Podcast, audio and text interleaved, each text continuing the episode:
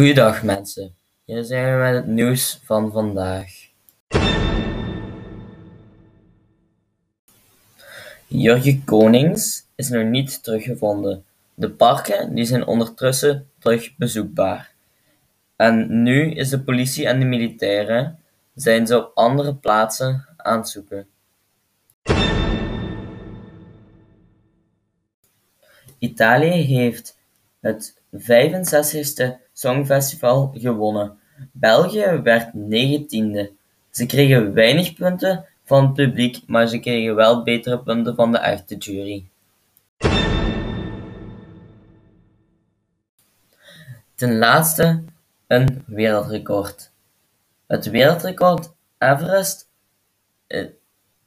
240 keer de luikse trap van Beuren op en af.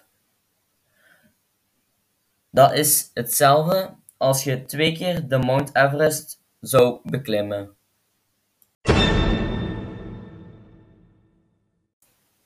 Tot slot nog het weer. Het is eraan te zien dat het geen trasjesweer is.